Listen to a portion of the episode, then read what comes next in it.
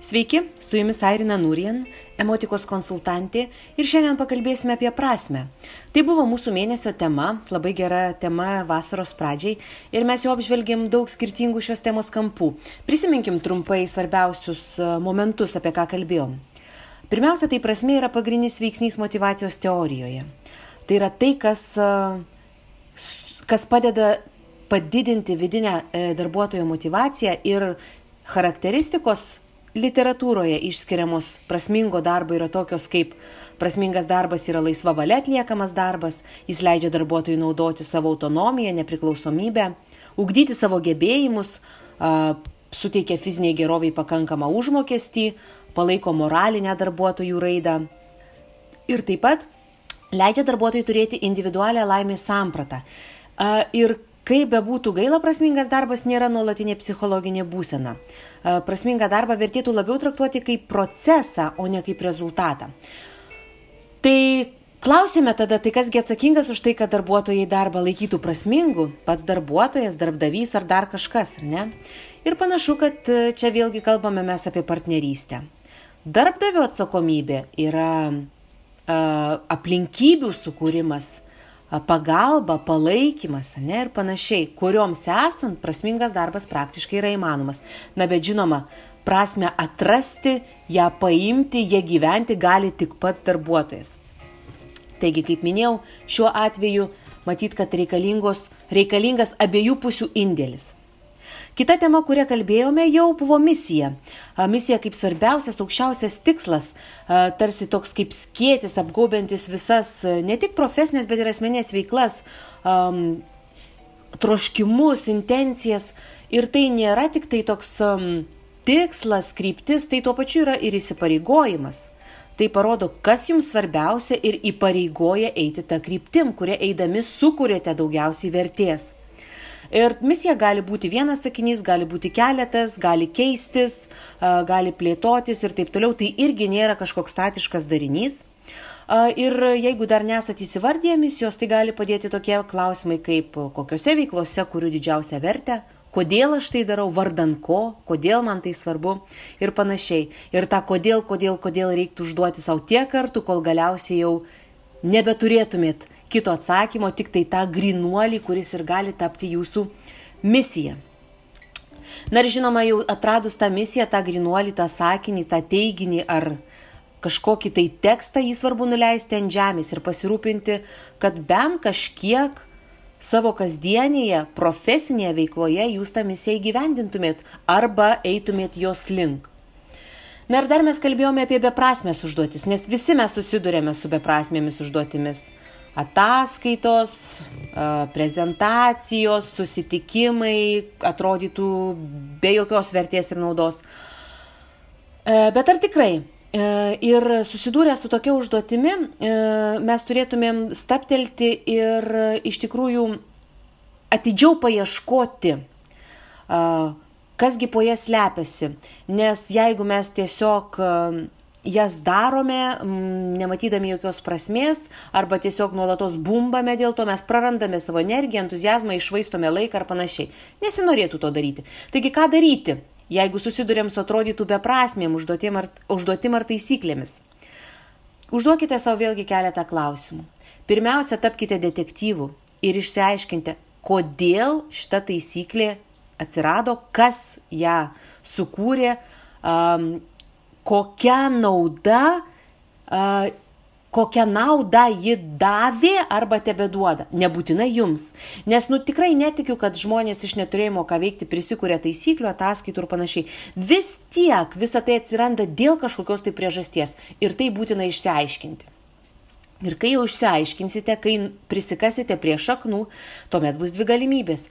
Arba supratus, kad vis tik yra kažkam kažkokia prasme, toliau tai darysime bet jau dabar nebelaikydami to beprasme užduotimi, arba supratę, kad tos prasmės nebėra, pasibaigęs galiojimas um, ir tai, kad kas, ta priežasis, dėl kurios tai buvo sukurta, jau seniai nebeaktuali, galėsime imtis veiksmų pokyčio, ne, kažką keisti, keisti tą užduotį, eliminuoti, kažkokiu būdu ją įprasminti, naujai, ar ne? Tai tokie, tokie mm, įgalinantys klausimai, ar ne? Ne tik tai daryti nors beprasmišką arba bumbėti, um, bet vis tiek daryti, bet geriau staptelti, įsigalinti save ir paieškoti iš tikrųjų, o kas po to slepiasi. Na ir raktinė frazė matyt, kad po viso to, ką mes kalbėjome apie prasme šį mėnesį, yra ta, kad prasme yra ne rezultatas, o procesas.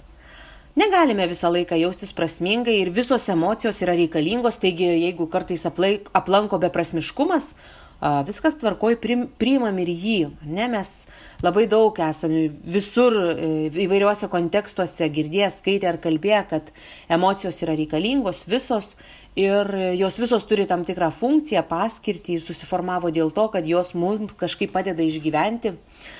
Tik tai klausimas, va, kiek ilgai mes užsibūname tose emocijose ir jeigu mes, pavyzdžiui, beprasmybės jausme ne tik pabūnam, bet ir užstringame, jis tampa labai destruktyvus. Ir va čia jau mes susidurime su problema, į kurią reikia pasižiūrėti rimčiau ir kažką su ją daryti. Taigi, šitoje vietoje norisi priminti jums autorių Viktor Frankl mm, ir jo knyga Man's Search for Meaning, žmogus ieško prasmės. Viktor Frankl kalba daugiausia apie gebėjimą atrasti prasme mažose dalykuose. Beje, pats autorius yra psichiatras, logoterapijos pradininkas ir žmogus išgyvenęs Aušvico koncentracijos stovykloje. Ir netgi ten, tokiuose siaubingose sąlygose, jisai gebėjo kažkaip stebėti žmonės ir matyti, kad kai kuriem kažkodėl tai lengviau išgyventi, kitiems sudėtingiau. Ir jis bandė suprasti, kas čia yra. Ir ta jau, taip sakant, bottom line, prie ko jūs prisikasė, tai yra prasmė.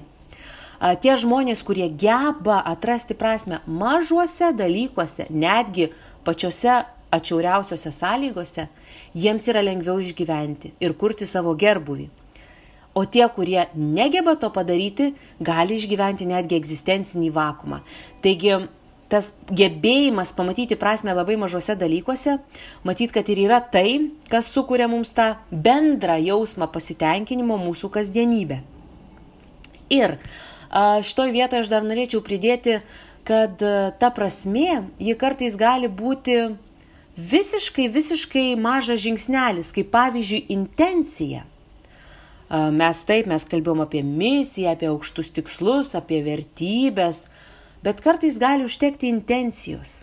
Tiesiog nusiteikimo.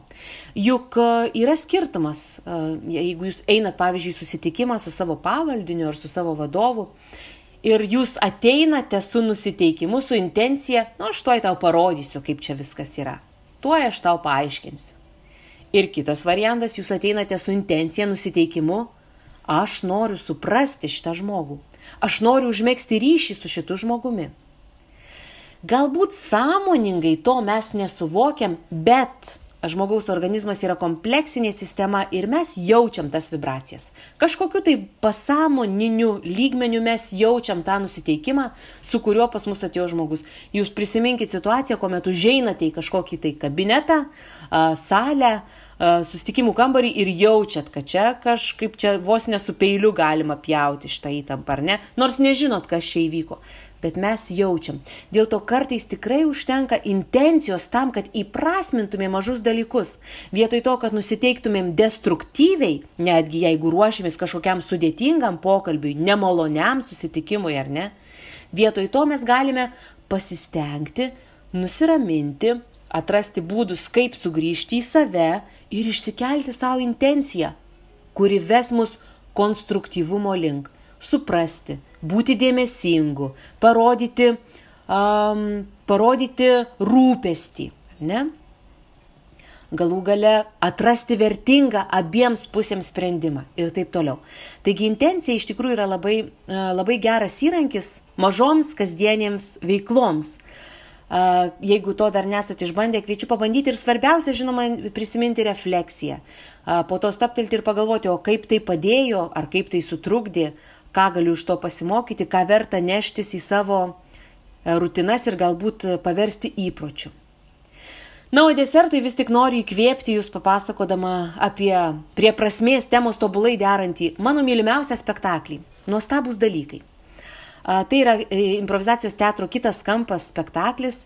Aš daug metų e, vadovavau šiam improvizacijos teatrui ir dar man dirbant kartu mes statėme šį spektaklį, kartu kūrėme, dalyvavau visam procese, dėl to labai jį myliu. Ir jį mačiau, nežinau, kiek, gal daugiau negu 50 kartų.